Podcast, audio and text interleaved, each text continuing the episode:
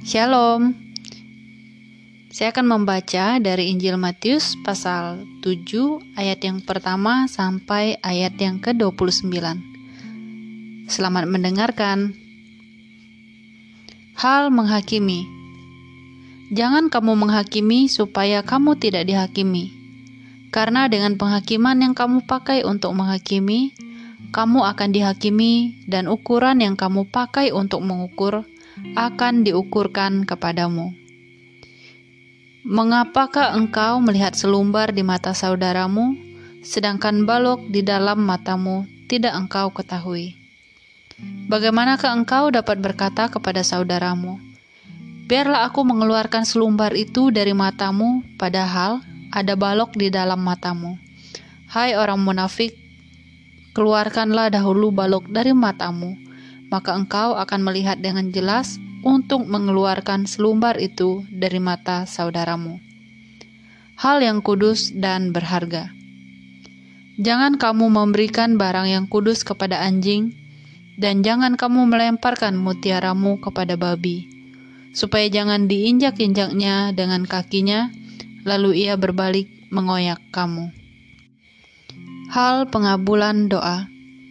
Mintalah, maka akan diberikan kepadamu. Carilah, maka kamu akan mendapat.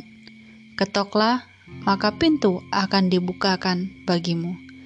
Karena setiap orang yang meminta menerima, dan setiap orang yang mencari mendapat, dan setiap orang yang mengetok baginya pintu dibukakan. Adakah seorang daripadamu yang memberi batu kepada anaknya jika ia meminta roti, atau memberi ular jika ia meminta ikan? Jadi, jika kamu yang jahat tahu memberi pemberian yang baik kepada anak-anakmu, apalagi Bapamu yang di sorga, ia akan memberikan yang baik kepada mereka yang meminta kepadanya. Jalan yang benar. Segala sesuatu yang kamu kehendaki supaya orang perbuat kepadamu, perbuatlah demikian juga kepada mereka. Itulah isi seluruh hukum Taurat dan kitab para nabi. Masuklah melalui pintu yang sesak itu, karena lebarlah pintu dan luaslah jalan yang menuju kepada kebinasaan, dan banyak orang yang masuk melaluinya. Karena sesaklah pintu dan sempitlah jalan yang menuju kepada kehidupan, dan sedikit orang yang mendapatinya. Hal pengajaran sesat. Waspadalah terhadap nabi-nabi palsu yang datang kepadamu dengan menyamar seperti domba, tetapi sesungguhnya mereka adalah serigala yang buas. Dari buahnya lah kamu akan mengenal mereka. Dapatkah orang memetik buah anggur dari semak duri atau buah ara dari rumput duri? Demikianlah setiap pohon yang baik menghasilkan buah yang baik, sedangkan pohon yang tidak baik menghasilkan buah yang tidak baik. Tidak mungkin pohon yang baik itu menghasilkan buah yang tidak baik, ataupun pohon yang tidak baik itu menghasilkan buah yang baik. Dan setiap pohon yang tidak menghasilkan buah yang baik pasti ditebang dan dibuang ke dalam api. Jadi, dari buahnya lah kamu akan mengenal mereka. Bukan setiap orang yang berseru kepadaku, "Tuhan, Tuhan," akan masuk ke dalam kerajaan surga, melainkan dia yang melakukan kehendak Bapakku yang di surga. Pada hari terakhir banyak orang akan berseru kepadaku, Tuhan, Tuhan, bukankah kami bernubuat demi namamu dan mengusir setan demi namamu dan mengadakan banyak mujizat demi namamu juga?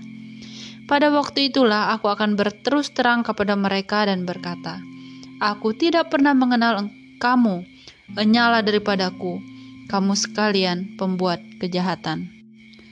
Dua macam dasar. Setiap orang yang mendengar perkataanku ini dan melakukannya, ia sama dengan orang yang bijaksana yang mendirikan rumahnya di atas batu. Kemudian turunlah hujan dan datanglah banjir. Lalu angin melanda rumah itu, tetapi rumah itu tidak rubuh, sebab didirikan di atas batu.